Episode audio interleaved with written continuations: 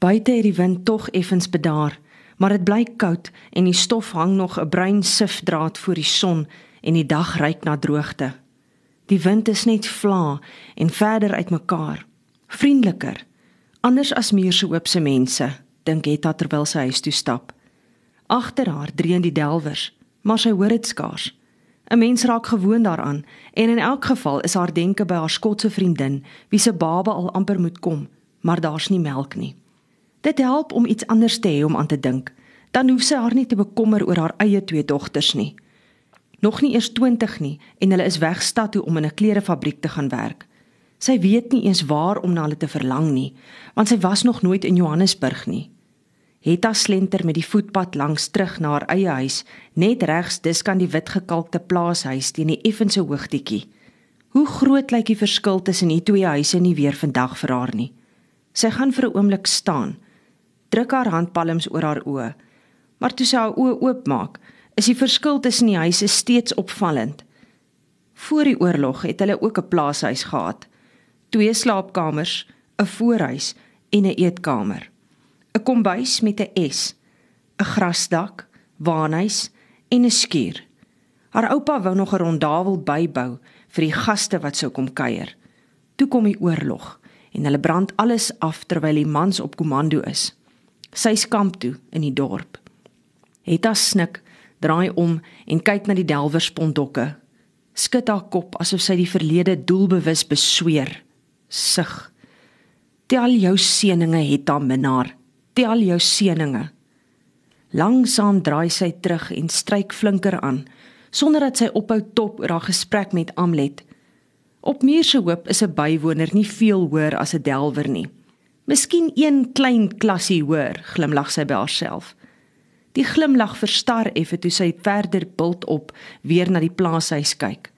Gertruida Duisel sien in elk geval op almal om haar neer veral vandat sy die ou diamantjie in haar slaghoender se krop gekry het asof sy op haar eentjie vir haar rykdom gewerk het en eintlik is hulle net wel af omdat ou donkie duisel 'n joiner is dis hoekom sy opstal nog staan en hoekom hy vandag 'n ryk man is en 'n bywoner kan bekostig moenie oordeel nie het haar minnaar betug sy haarself en trek die kappie se stryk in haar kuiltjie los soos altyd sing sy liewer 'n psalm wat oor die stoppels vlug Leer my Heer u regte weë.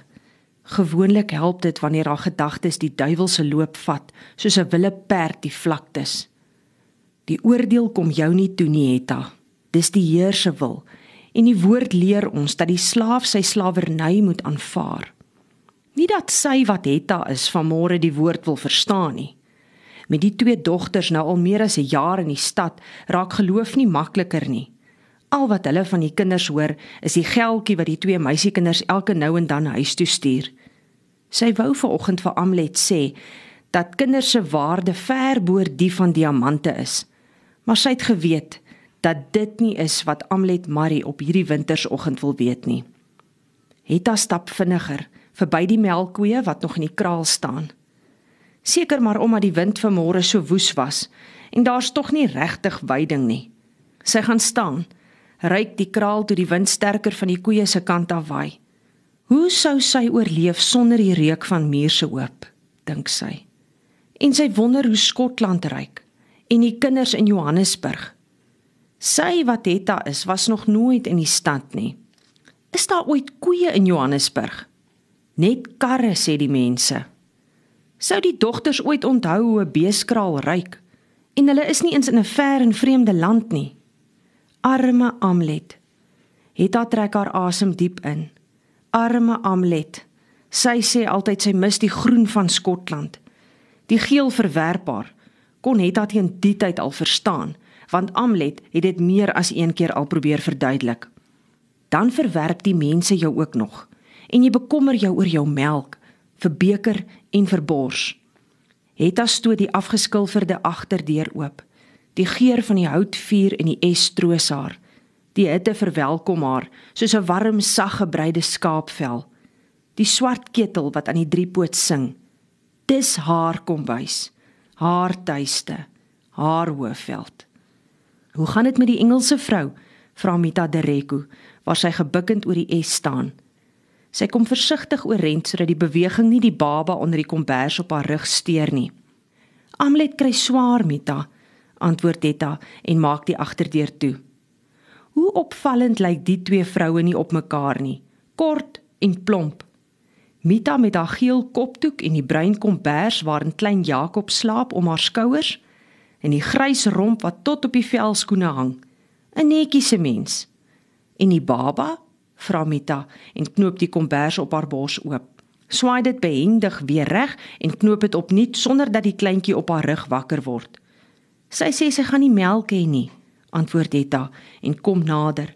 Lig die kombers effens sodat sy klein Jakob se gesig kan sien. As 'n vrou glo sy gaan nie melk hê nie, gaan sy nie melk hê nie, verklaar Mita en loer oor haar skouer na Hetta se hand wat saggies oor klein Jakob se kop streel. Hetta draai weg, gaan voor die vuur staan en strek haar hande na die vlamme toe uit. Sy staan met haar rug na Mita, maar Mita ken die hang van haar vriendin se ronde skouers. Sy ken die wroging van die vrou wie se kinders weg is, uit die huis uit stad toe om te gaan werk, omdat daar in die hele muur se hoop vir geen jong meisie 'n heenkome is nie. Hulle kan nie soos die seuns boer nie en in die kombuise wil hulle nie werk nie. 'n Bywoner kan nie baie monde voer nie, sê Hetta altyd. Van deelsaai het niemand nog ryk geword nie. Al verstaan Mita nie die argument nie, begryp sy die hart van 'n vrou wat na haar kind verlang. Dit is stil tussen die twee vroue. Net die ketel wat suis, 'n hoenderhaan wat buite sy manlikheid verkondig en 'n hen wat kekkelend hol. Almal het kinders, sê Hetta insnyf. Maar dit is nie almal wat kinders verdien nie. Kyk wat maak Gertruida duisel met haar eie seuns. Niemand is goed genoeg vir die duisels nie, Mita. Jy weet mos. Is net 'n man wat goed genoeg is omdat hy geld het. Hy is 'n verdomde joiner. Die oorlog is al lankal verby, Hetta. Oorlog gaan nooit verby nie, Mita. Al hou die mans ook op met skiet. Is waar. Ons bly skiet sonder gewere. Mita pak twee blikbekers en 'n lepel in die erdeskottel op die geskropte kombuistafel. Ek hoor julle sê Donkie Duisel het ryk geword uit die oorlog. Hoe leef 'n mens met jou gewete saam as jy jou volk vir 'n paar esels verruil het, Mita? Vra Etta. Haal twee eie uit die rak en gaan sit by die tafel. Seker dit dat hulle nooit in die kerk kom nie, antwoord Mita. Hulle mag nie in die kerk kom nie. Donkie se broer het hom die eerste Sondag na die vrede met 'n sambok uit die ouderlingsbank gejaag. Ons het gehoor hulle is nou in die ander kerk, die Sapkerk waar die joiners hoort, antwoord Etta. Haal 'n mes uit die laai en begin die eie skil. Ek wonder oor my dogters in die kerk in die stad, Mita. Is daar dan nie 'n kerk nie? Hulle sê daar is, maar die kinders gaan liewer na die lawaai gedoentes toe lawaai gedoentes, vra Mita in lag. Dis nie ons kerk nie. Dis vreemde kerke. Kerk is kerk, verdedig Mita die dogters wat sy help grootmaak het. Ek bid maar so. Of het as 'n oë van die eie of die vreemde kerk traan, weet Mita nie so mooi nie. Dan moet Donkie hulle maar stad toe, sê Mita. Sy broer sal hom nie daar soek nie. Donkie se broer was mos 'n bitter einder. Hy is in die ou kerk. Ek verstaan nie julle vrede nie. Dan sal julle ook nie verstaan hoekom daar meer as een van ons eie kerk op die dorp is nie, sê Etta. Maar die kerk is die Here se plek en die liefde moet daar woon, nie haat en sambokke nie. Jy sal nie verstaan nie, my Mita. Dit was nie jou oorlog nie. Oorlog se swaar is almal se swaar, sê Mita en begin die bekers was. Die oorlog het van ons almal slawe gemaak slawe van die haat. Die wat ons dink die een is beter as die ander. Dit lyk my ons mense kry altoos iemand op wie ons kan neersien. Jy sê die Engelsman sê sy gaan nie melk vir die baba hê nie. Mita is duidelik moeg vir die diepe erns van die gesprek.